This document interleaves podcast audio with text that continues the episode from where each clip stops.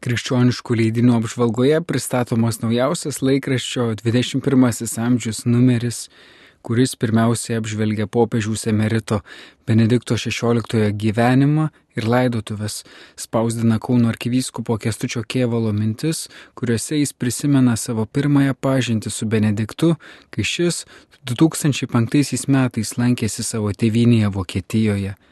Laikraštyje rasime ir Lietuvos prezidento dalyvavusio popiežiaus emerito laidotuvėse mintis.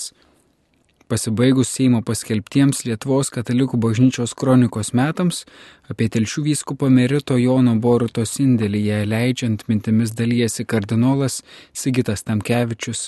Jis taip pat prisimena, kai buvo liudininkas, kai būsimai telšių vyskupą tremtyje Žagarėje gyvenęs vyskupas Julijonas Steponavičius slaptai šventino kunigu Skaistgirio bažnyčioje.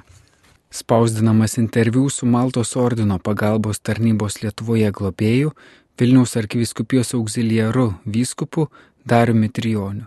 Jis pasakoja apie savo pažintį su maltiečiais ir sako, kad labai lengva palikti pinigą ir daugiau nematyti to sunkumus išgyvenančio žmogaus. Duodantis žmogus turi atrasti laiko ir įsipareigojimo gyventi ne vien tik dėl savęs, bet sugebėti matyti pasaulį platesniu žvilgsniu, pastebėti kenčiantį žmogų, kad šis išvelgtų šviesos spindulėlį.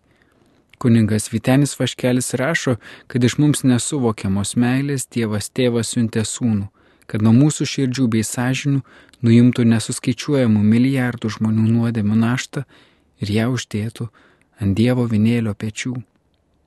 Tėvas žinojo, jog jei kiekvieno ir visų žmonių kaltybės nebus perkeltos ant jo nekalčiausio sūnaus, nuodėmės mus visiškai palauž ir pribaigs atiduoti savo kasdienių nuodėmių maišą Kristui. Tai ne tik tikėti, patirti bei dėkoti, jog jis susitaikymo sakramento maudyklėje mus išlaisvina iš kalčių vergovės, nuskaidrina sielos galės ir sugražina širdies ramybę. Visi kažkada, kai kurie ir dabar, būdami nuodėmės vergai, buvome laisvi nuo teisumo, nes kasdienybę grindėme ne Kristaus tiesa, o apgailėtina savivalė.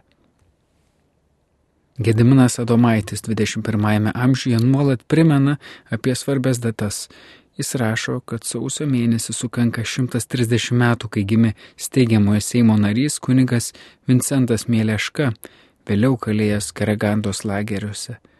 Kova bus 60 metų nuo jo mirties, o sausio 16-ąją sukaks 10 metų, kai mirė kunigas Algimantas Keina, palaidotas naujojo daugeliškio bažnyčios šventoriuje.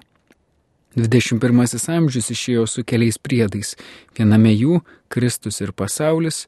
Mindaugas Buika apžvelgia popiežiaus pranciškaus mintis išsakytas komunikacijos dikasterijai.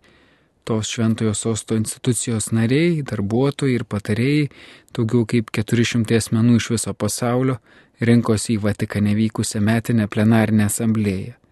Sinodas ir žiniasklaida bendrojo kelio plėtra.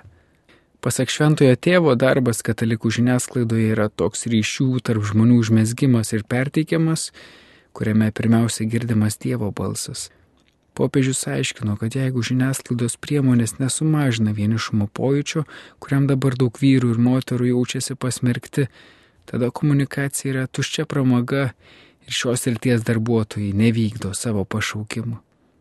Taigi žurnalistai turi suvokti savo misiją viską daryti, kad sunkumo apniktas žmogus pasijūstų mažiau vienišas, kad jam iškylantis klausimai, viltys, troškimai, kuriuos nešiojasi sieloje ir širdyje, būtų atskleidžiami spaudos puslapiuose, radio bei televizijos laidose ir taptų platesnės auditorijos aptarimo objektu. Jeigu komunikacija nesugeba įsilieti šią aplinką ir suteikti pagalbą, Tada jį tampa tik propagandos įrankiu, perduodančiu direktyvinius nurodymus, nuleistus iš viršaus. Išėjo ir laikraštis katalikas, jame toliau tęsimi pamokslėliai apie išpažinti, kuriuos parašė kunigas Jonas Paliukas, buvęs tverų klebonų. Jis rašo, kad penitentas turi teisę pasirinkti savo nuodėmklausį, bet dažnai renkasi ne dėl savo sielos išganimo, o dėl savo patogumo. Pasak kunigo, Labai netikęs paprotys nuodėmklausius keisti kaip čigonui arklius. Vieną kartą eina pas vieną, kitą pas kitą, trečią pas trečią ir taip visą laiką. ko toks žmogus nuo tuo nori pasiekti. Aišku, kad negero savo pačiam, jis taip daro dėl savo išskaičiavimų ir jie yra grinai žemiški. Taip einant iš pažinties galima lengvai išsisukinėti, nuslėpti, pasirodyti geresniam. Toks gyvenime daro darbus, kurie jokių būdų nesiderna nei su dažnomis komunijomis, nei su dažnomis išpažintimis. Kuningas pateikia ir pasakėlė apie velnę, kaip jis klausė iš pažinčių. Katalikas dar spausdina fotoreportažą apie telšių vyskupą Merito Jono Borutos laidotuvės ir juose pasakyta dabartinio viskupijos ordinaro vyskupo Algirdo Jurevičiaus homilija. Laikraščio 21 amžius apžvalga parengė laikraščio redakcija.